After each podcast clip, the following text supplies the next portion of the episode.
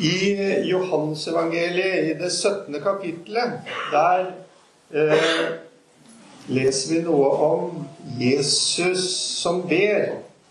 Og han ber for sine, og han ber for oss. Og det er ett, en setning der. Eh, hellige dem i sannheten. Ditt ord er sannhet. Det å bli helliget, det betyr å bli innviet, eller ført inn i, tatt inn i, få del i. Og det er det Jesus vil for oss alle sammen. At vi skal få del i sannheten. Komme inn i den. Se den. Og det er det som er å vandre i lyset, som eh, vi hørte fra 1. Johannes brev. Vandre i lyset. Og derfor skal vi også i dag fortsette litt med disse tingene som er sannheten. Og det er jo ikke min sannhet. I vår tid så blir vi jo bombardert med dette her. Noe er din sannhet, og noe er min sannhet. Men det er jo ingenting som er sannheten, får vi høre. Men sånn er det heldigvis ikke. Sannheten, det er Guds sannhet. Det er Guds lys som vi skal få lov til å bli helliget i.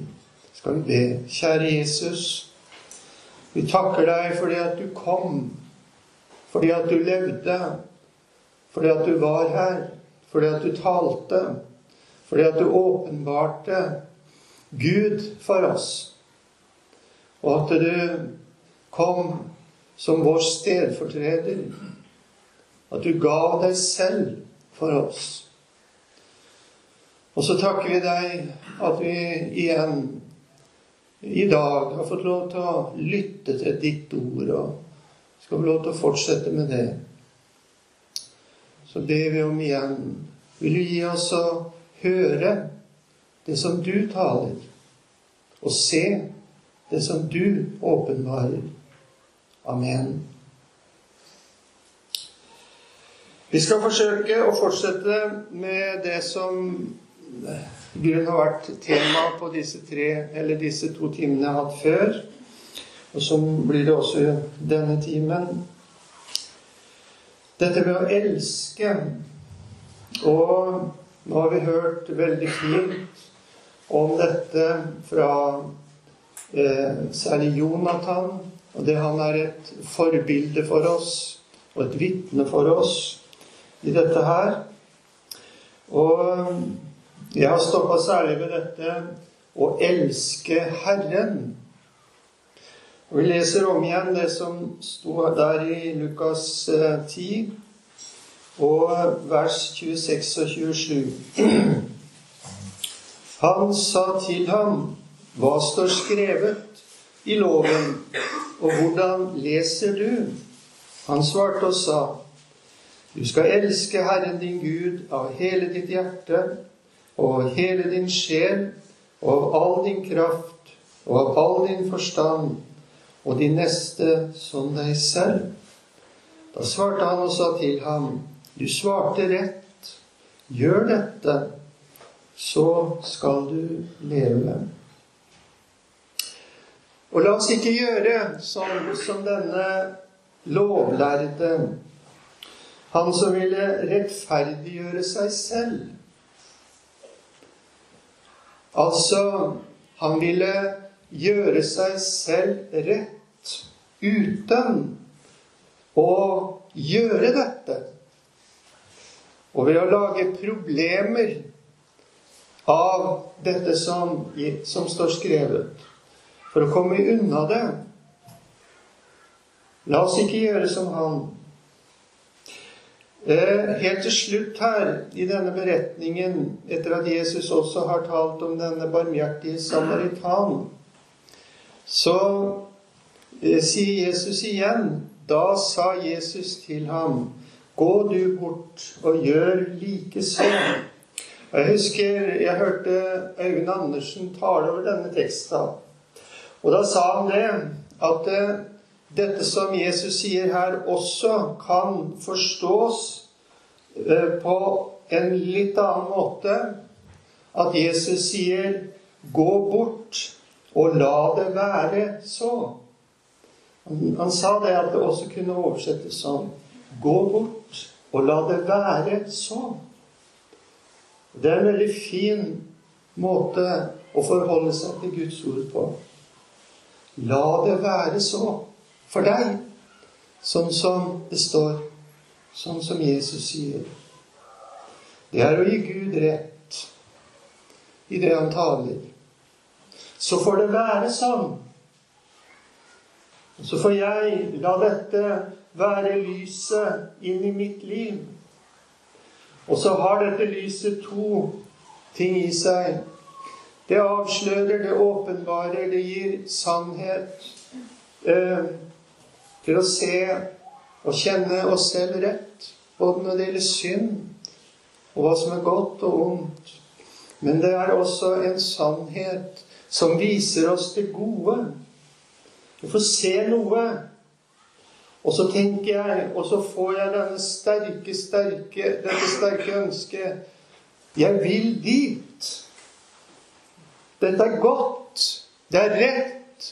Ja, det er sånn det er å være menneske. Det er dette jeg vil. Det er dette jeg ønsker. Og så har Gud også en løsning på det for oss. Ja, du skal elske Herren din Gud. Det er jo noe veldig i dette her.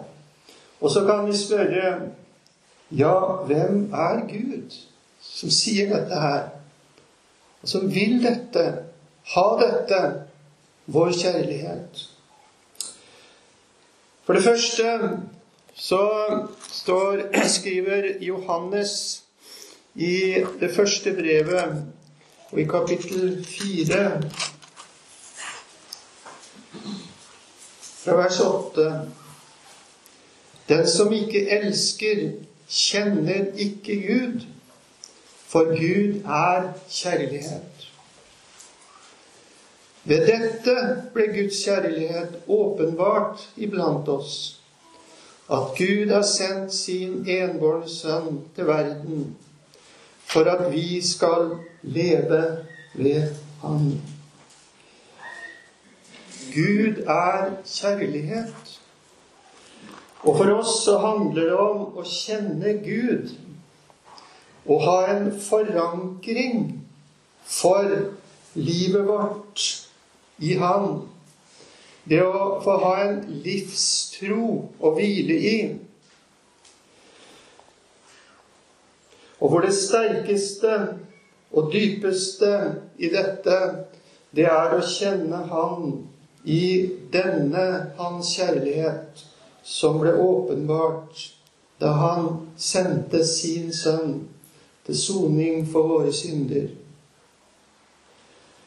Hans kjærlighet ble åpenbart. Det betyr jo den ble synlig. Den ble gitt til kjenne for oss. Den kom og ble avdekket, sånn at vi virkelig kunne få se den nettopp i det at han ga Jesus. Gordon Johnsen eh, han eh, eh, sier det sånn Dette her er henta fra ei bok om Gordon Johnsen som heter 'Møte med sårbare sinn'. Bare i Guds kjærlighet, agapen, eller bare Guds kjærlighet, agapen, har styrke og dybde nok til å bære tyngden av den menneskelige eksistens. Fordi denne kjærlighet er en åndelig, eksistensiell realitet som mennesker kan erfare, kan den også få avgjørende betydning som feste for trygghet og tillit når liv og helse er truet. Og sånn er det for oss mennesker. Og det er noe usigelig stort at det finnes en kjærlighet som er sterk nok til å bære tyngden av det å være menneske. Det å være menneske i denne verden som er så truende og ond og ødeleggende, og som går mot undergang, så finnes det altså noe annet enn denne verden. Og det er Guds kjærlighet. Den er sterk nok til å bære oss. Og den er sterk nok til å bære oss også i forhold til den tyngden som det er å bære meg selv som en synder, som et menneske. Når det går opp for oss hvem vi er, og hvordan vi er, så er det nok til at vi går under. Vi kan ikke bære oss selv. Vi kan ikke bære den kraft som holder. Og hvis mennesket ikke har noe annet enn seg selv, så holder det ikke. Det finnes en som er sterk nok, og det er han. Hans kjærlighet. Og så sier han videre det er en mektig forankring for et sinn å kunne hvile i forvissningen om at det finnes en slik kjærlighet. Demonstrert konkret på et kors. Og virkeliggjort, realisert i tilgivelsens nåde. Det er noe som holder. Det er noe som bærer. Det er noe som er sterkt nok for oss. Gud visste det, og han gjorde det, og han kunne det.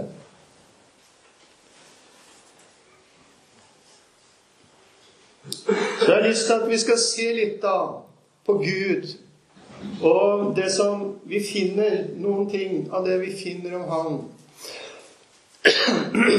i Bibelen vår.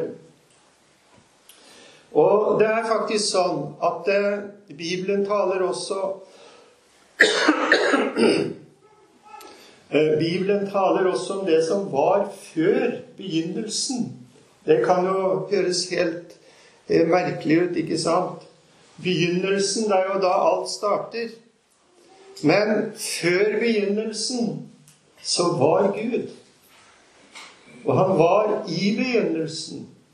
Og det er jo sånn at grunnen til at det ble en begynnelse, det er Gud. Og Jesus sier noe veldig fint om dette her i Johannesevangeliet, nettopp i kapittel 17, der hvor han ber. Og i vers 24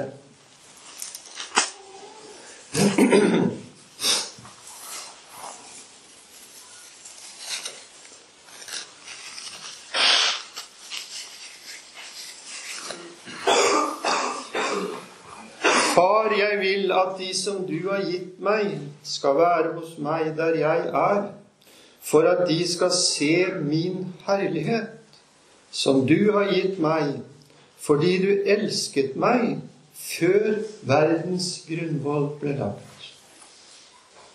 Altså før noe ble til, noe ble skapt, så var Gud, så var far og sønn i himmelen.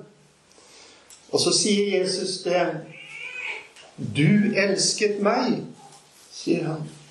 Forholdet mellom Gud, Far, og Jesus, Sønnen, det var kjærlighet.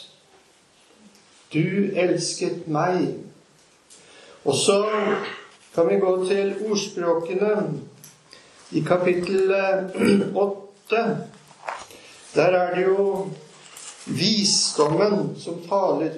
Ordet, som vi også møter da i, i Johannesevangeliet, fra kapittel 1 der.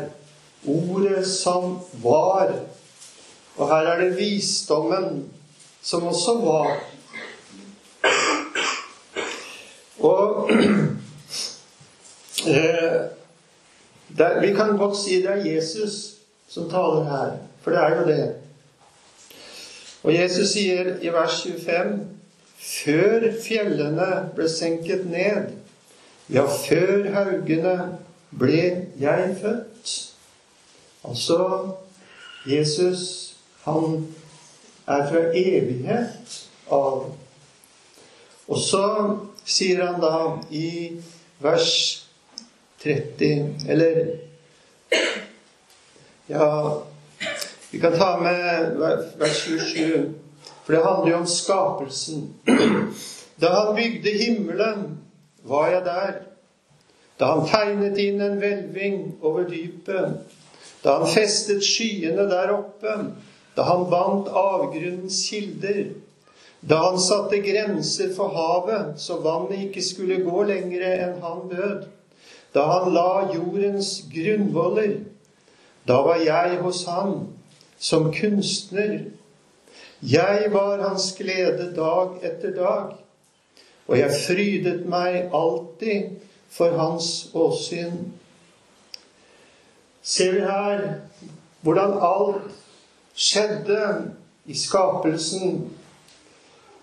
Det var noe som skjedde mellom Faderen og Sønnen. Altså eh, sammen så skapte de. Og Jesus sier her 'Jeg var med som kunstner'.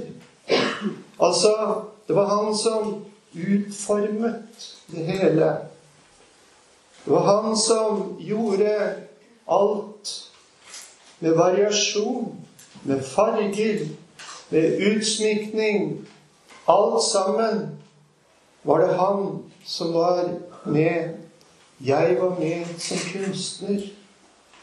Og så ser vi da at dette kunstverk det ble skapt av to som elsket hverandre.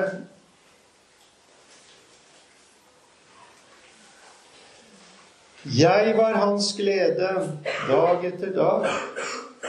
Ser du hvordan Faderen så på sin sønn?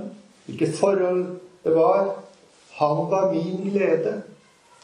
Og så sier sønnen og jeg frydet meg alltid for hans åsyn. Ser du det? Den verden vi lever i, ja, alt som er, det er ikke blitt til av en eller annen sånn ond makt eller skremmende eller sånn som alle hedninger tror. Men det er blitt skapt i kjærlighet av Gud, Far og Sønn, i glede, i fryd, med en kunstner som er helt fantastisk. Det har vært mange store kunstnere i verden. Tenk på Rembrandt og Michelangelo. De har skapt ufattelige, store, fine, flotte ting. Men det er ingen som er som han. Som sønnen, den store kunstner. Det vi ser, det vi er en del av Ja, vi selv er formet av Han. Og nå sier, skriver, romer, eh, skriver, Paulus i Rombrevet i kapittel 1 eh, noe om dette eh, i vers 19. For dere kan vite om Gud. Både det vi kan vite om Gud, ligger åpent for dem. For Gud har åpenbart det for dem. Og da sier Paulus her at det skaperverket, det er et, Det vitner om Gud. Ja, det står faktisk det at det, det ligger åpent for oss. Det taler om Gud. Det viser oss Gud. Det åpenbarer Han for oss. For Hans usynlige vesen, både Hans evige kraft og Hans guddommelighet, har vært synlig fra verdens skapelse av. Det kjennes av hans gjerninger for at de skal være uten unnskyldning. Sånn er det også for oss. Vi skal få lov til å se Gud i det Han har skapt. Paulus han eh, talte jo til eh, eh, disse vismennene, eller disse religiøse menneskene i Aten. Og eh, da begynner han med å si dette her. Det står i kapittel 17 og vers 24. Gud, Han som skapte verden og alt som i den er.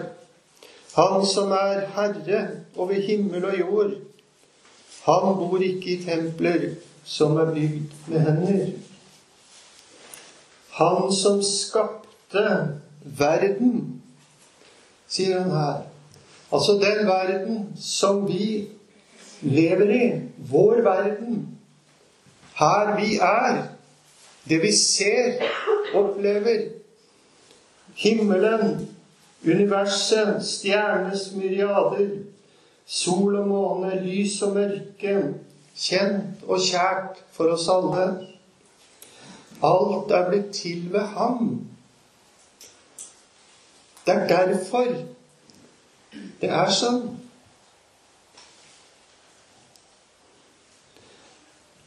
Vi har en skapelsesberetning og det ble virkelig stort for meg i dag når jeg satt og så på dette her. At vi virkelig har en skapelsesberetning. Ikke teorier, ikke antagelser, ikke uvisshet. Vitenskapen kan gi oss en masse verdifull kunnskap og fakta om hvordan verden er. Og det er jo veldig flott å kunne se på naturprogrammer, filmer, hvor de altså har på en måte klart å se og forstå og fange inn mer og mer av skaperverket.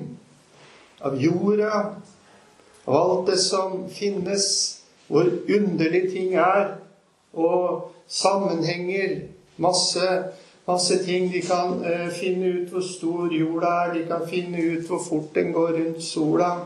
Eh, de kan finne ut alle mulige ting. Fortell oss det. Og det er sant.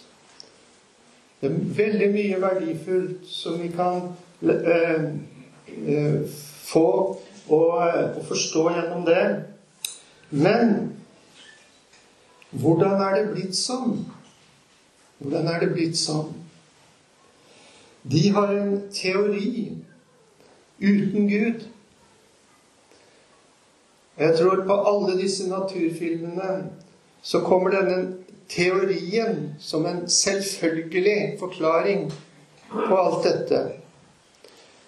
De har en teori uten Gud. Men i Første Mosebok, i det andre kapitlet og vers 4 så står det Dette er historien om himmelen og jorden da de ble skapt. Dette er historien, står det. Det er stor forskjell på en historie og eh, en teori. Ikke sant? Du kan lese Norges historie og da er det faktisk hva som har skjedd. Det er det reelle. Det er sannheten vi leser. Og sånn er det faktisk også her. Vi har en bibel som forteller oss skapelseshistorien. Dette er historien om himmelen og jorden da den ble skapt. I kapittel 1 og vers 14 her i Første Mosebok så står det og fram til vers 18 Og Gud sa La det bli lys på himmelhvelvingen til å skille mellom dagen og natten. De skal være til tegn som fastsetter tider og dager og år. Og de skal være til lys på himmelhvelvingen og lyse over jorden. Og det ble slik. Og Gud gjorde de to store lys, det største til å råde om dagen, og det mindre til å råde om natten, og stjernene. Gud satte dem på himmelhvelvingen til å lyse over jorden, til å råde om dagen og om natten, og til å skille lyset fra mørket. Og Gud så at det var godt. Her leser vi altså hva som skjedde. Historien. Gud sa, står det. Gud talte. Han befalte 'la det bli'. Og så ble det lys. Så kom lyset. Og Gud gjorde, står det. Så ble det en sol. Og så ble det en måned. Det var sånn det skjedde. Det var ikke noen eksplosjon, masse tilfeldigheter. Nei, det var Gud. Gud gjorde. Og det så sto Og Gud satte dem på himmelhvelvingen. Og da betyr det altså at den plassering som sola har, den er det Gud som har satt. Og den avstand som det er mellom sola og jorda, den er det Han som har satt og plassert. Og den hastigheten som jorda har rundt sola, den er det Gud som har satt og bestemt. Og den rotasjon som jorda har rundt seg selv, den er det Gud som har satt og gjort. Og den vinkelen som jord, jorda har i forhold til eh, polene, som er så viktig i forhold til årstidene på jorda, den er det Gud som har satt. Gud sa, og Gud gjorde, og Gud satte. Sola, månen Og så gjennom dem så sto det det at han også bestemte og gjorde, det, gjorde tegn som fastsetter tider og dager og år. Det var Gud som gjorde det. Vi har jo ei klokke, eh, alle sammen kanskje. Og det er jo veldig fint at eh, alle klokkene våre går likt. Ikke sant? Det hadde vært dumt hvis vi hadde hver vår klokke som, som eh, tikka for seg sjøl. Men alle klokkene våre, de tikker i takt med sola.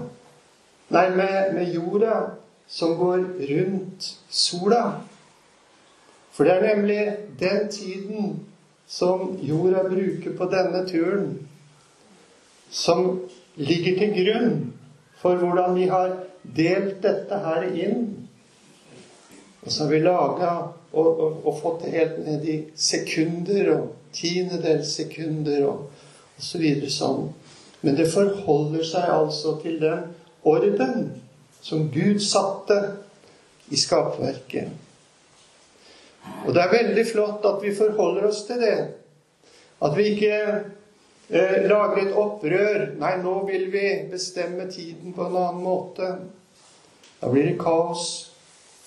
Men det gjør jo menneskene på så mange, mange andre områder. Dessverre. Vår tid preges av det at det, det blir mer og mer opprør mot Gud og Guds skaperorden og ordning. Og så blir det mer og mer ødeleggende og kaos og ondt for oss mennesker i denne verden. For Guds ordning, den er god.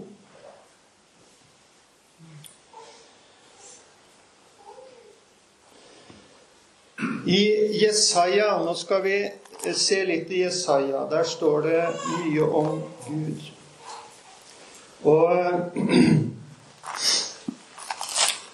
vi, vi, vi er jo i den situasjonen, og kanskje ikke minst dere som er unge, og som eh, er i utdannelse, eh, skole eh, Møte mennesker, eh, verdslige mennesker eh, Så er vi i den situasjonen at vi hele tiden eh, opplever at det blir sånn tvil om dette hos oss. Det blir sånn tvil hele tiden. Vi bombarderes med dette her. Du må ikke tro at det er sånn. At det er Gud. Hva, hva er det som kan hjelpe oss i dette? Jo, det er å se hva det står i Bibelen. Fordi eh, det, det som står i Bibelen, det er ikke først og fremst noen argumenter.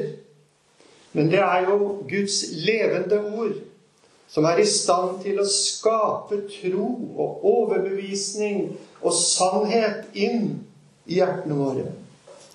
Som er sterkere enn all denne vantroen og alle disse eh, løg, løgnaktige påstander som vi utsettes for.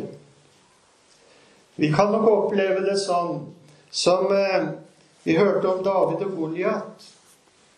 At alt dette som møter oss i denne verden, av motargumenter, av tvil, av eh, innvendinger, av spott og alt dette her, det kan oppleves som Goliat. Den umulige for oss å stå imot og møte. Men så var det denne lille David som eh, det hadde skjedd noe med. Det var skjedd noe. Han hadde fått tro på Gud i sitt hjerte. En overbevisning om Han som er større enn alle. Og Kan du se for deg denne vesle David, der han stormer fram mot kjempen Goliat? Så kaster han seg framover med slynga, og så sender han den steinen som treffer Goliat midt i panna. Og det står at den trengte dypt inn fordi det var en kraft i dette som var sterkere enn David. Det var Gud, det var Herren, som seira. Og sånn kan vi også få lov til å leve når det er tilliten og troen på Herren som bor i hjertet vårt. Og den kommer ikke dalende fra lufta, men den kommer til oss fra Guds ord. Det er et levende ord. Og så står det her i Jesaja 42 og vers 5 5.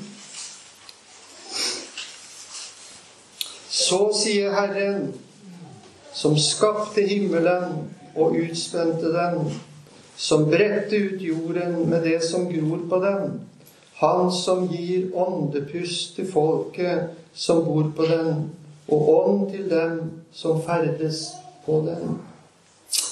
Han skapte himmelen, og han utspente den står det her. Det vil altså si at han gjorde den så stor og så vid og så høy og så bred som den er. Og i kapittel 45 og vers 12 Jeg har gjort jorden, og menneskene på den har jeg skapt. Mine hender er det som har utspent himmelen og hele dens hær har jeg latt frem, stå frem. Det er Guds eget ord. Mine hender er det, sier han. Ser du Gud? Altså, hans hender, de skapte de formet, de utspente en himmel og et univers som er så ufattelig stort. Vi snakker jo hele tiden om at det er så mye mer enn det vi har kunnet eh, registrere av dette her. Enda nå har de jo masse instrumenter og utstyr. Men Gud er større. Han går utenpå alt. Er det ikke rett at vi elsker Ham? Han har skapt jorden og alt som finnes på den. Og igjen fra kapittel 42 i Jesaja og vers 5.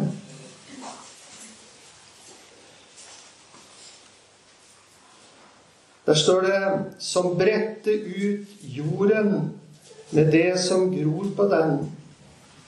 Han som gir åndepust til folket som bor på den, og ånd til den som ferdes på den. Han bredte ut jorden med det som gror på den, fra det minste til det største. Og igjen eh, kapittel 45 og vers 12. Jeg har gjort jorden og menneskene på den har jeg skapt. Hvem er jeg? Jo, Gud svarer på det. Menneskene på, på jorden har jeg skapt. Så jeg er skapt av Ham, av Gud. En ufattelig storhet. Det å være menneske, det er å være skapt av Ham, av Gud. Skapt i kjærlighet. Formet av en kunstner som frydet og gledet seg sammen med sin far. Og min lyst hadde jeg i menneskenes barn, sier han videre der i, i ordspråkene som vi leste fra. Ja, skal vi ikke elske Han som vi kommer fra, Han som har skapt oss?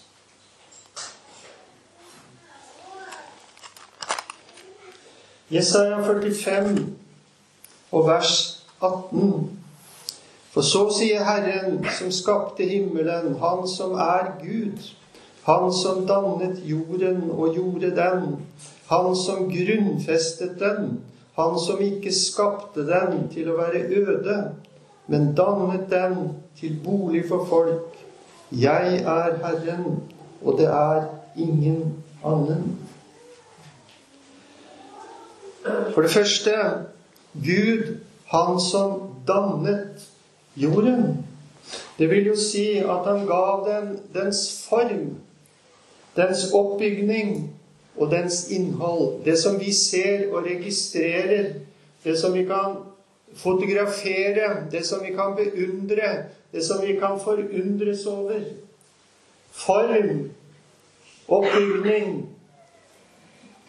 Så sier Gud det var han som dannet den. Han gjorde den, sier han videre her. Det vil si at han startet det hele. Han startet med å skape en jord. Og han er også den som fullførte dette. Og det står her Han som grunnfestet den. Altså gjorde den fast.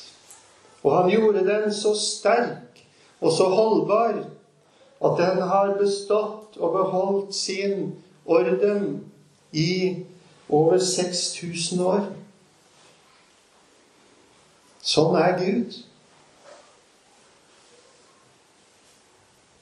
Jeg syns det er fantastisk å lese om eh, dette her som, som, vitenskapen kan fortelle om, om jorda. Og bare dette her med jordas gang rundt sola det er jo en svimlende fart som dette her går i. Det er snakk om over 1000 km i sekundet, denne farten her. Og allikevel så er dette her så presist at man snakker om på alle disse årene som jorda har gått rundt sola, så er det snakk om et avvik i hastighet, i tid, på noen tiendedels sekunder. Så nå snakker de om at de kanskje må justere litt på klokka. Fordi at det har skjedd en liten forskyvning på noen tiendedels sekunder. Han gjorde den fast. Han grunnfestet den.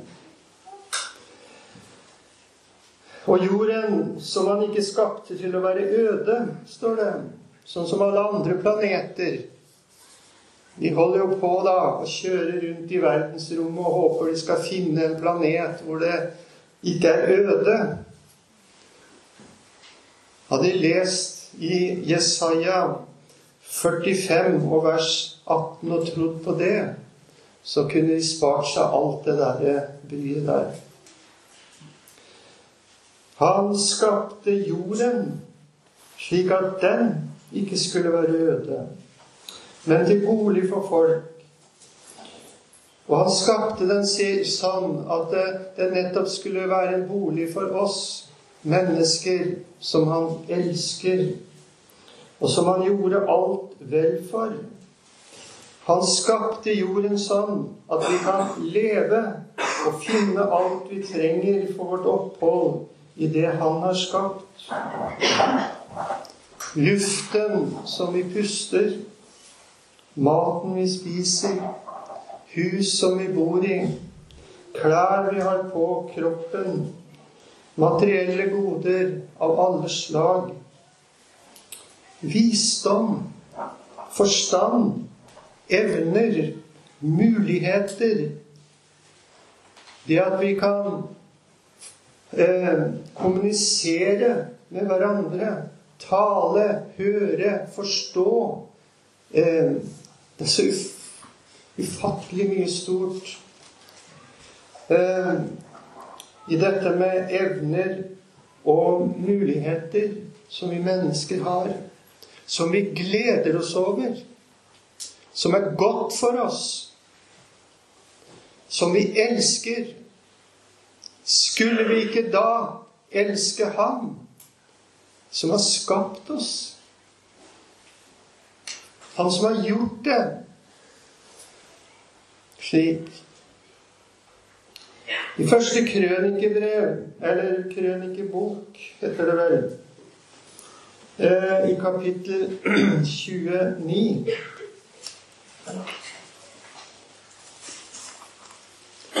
eh, og vers 16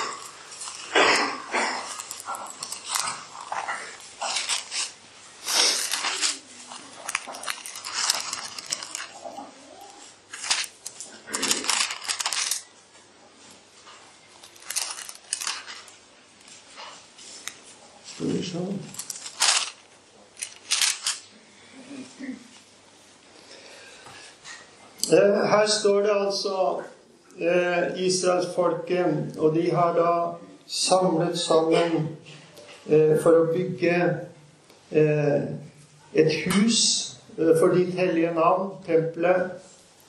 Og så sier de her Herre vår Gud, alle disse rikdommer som vi har samlet sammen for å bygge et hus for ditt hellige navn, de kommer fra din hånd. Og ditt er det alt sammen.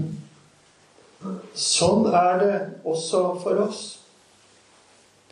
Alle disse rikdommer, alt det vi har, alt det som eh, omgir oss, alt det vi har, gjør oss godt av Alle disse tingene som vi elsker, som vi takker for, som vi lever av, som gjør det godt for oss å være mennesker. De kommer fra din hånd, og ditt er det alt sammen. Skulle vi ikke elske ham? Og Paulus, han skriver også der Eller det står noe som Paulus også sa der på eh, i, i, i, Aten på eh, Areopagos, denne plassen hvor han talte. Det står i kapittel 17 i Apostelens gjerninger og vers 28. For i ham er det vi lever og rører oss og er til. Som også noen av deres egne diktere har sagt. For vi er også hans slekt. Og så sier han da vi nå altså er Guds ett. Sånn er det å være menneske. Guds ett, altså. Vi hører sammen med Han. Vi kommer fra Han. Og så sier Paulus her det er i Han vi lever og rører oss og er til. Nå, i dette øyeblikk, hver tid og stund, så er det Han vi lever og rører oss og er til. Vi gleder oss over det. Vi nyter godt av det. Vi elsker det. Vi takker for det. Er det ikke det eneste rette at vi elsker Han? Så kan vi lese, og gjennom det få kunnskap og innsikt og rett forståelse av dette, og vi kan bli overveldet av Guds storhet, fylt av undring. Og allikevel så kan vi ikke elske Ham. Fordi synden er en realitet i livet vårt. Og Paulus skriver i Rombrevet 8 og i vers 7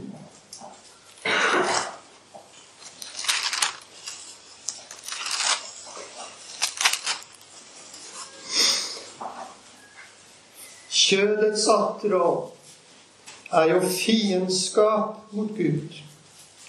For det er ikke Guds lov lydig, kan heller ikke være det. Kjødets atterå, dypeste, sterkeste makt i livet vårt, det er fiendskap mot Gud. Og det er ikke sånn at liksom jo nærmere vi kommer Gud, jo mer vi får se, og hvor, hvor mer det går opp for oss hvordan Gud er, og hans storhet, så er det ikke sånn at vi begynner å elske ham av den grunn. Det er tvert imot. Det bare skaper enda mer fiendskap. For sånn er synden i oss. Du blir ikke bedre av å se Gud. For kjødet, det er allikevel det samme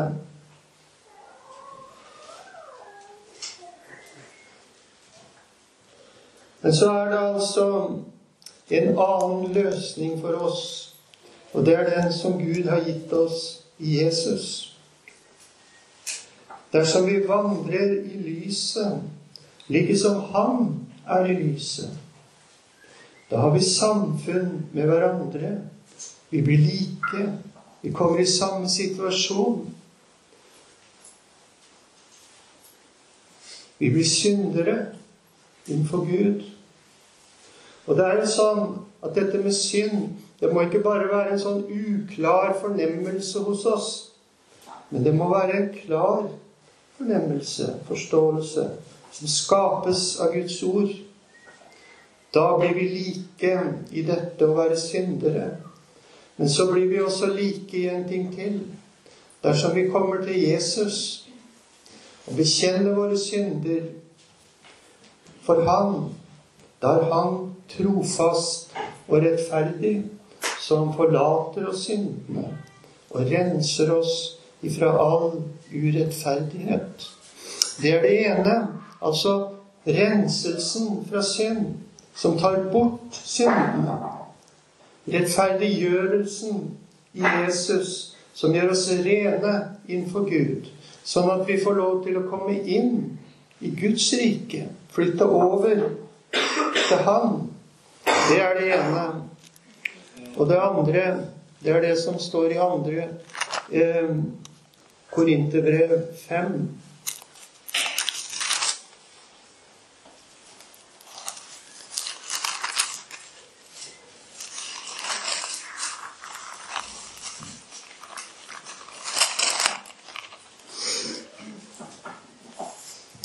Og vers 14 og 15. For Kristi kjærlighet tvinger oss, og så har vi gjort det klart for oss, når én er død for alle, så har de alle dødd. Altså Jesus døde for alle. Så døde også jeg med han. Og så står det videre Og han døde for alle, for at de som lever, ikke lenger skal leve for seg selv, men for Han som døde og oppsto for dem. Og dette er ikke sagt som, en, som et krav. Ikke lenger skal. Liksom Dette skal du, ikke dette skal du. Nei. Det er en, det, er en eh, det slår fast noen ting. Noe som er. Og egentlig så står det faktisk litt annerledes her. For det står for at de som lever, ikke lenger skal leve seg selv, men Han som døde og oppsto for dem. Ved Jesu død og oppstandelse så har Han tatt oss gjennom død til oppstandelse, til et nytt liv.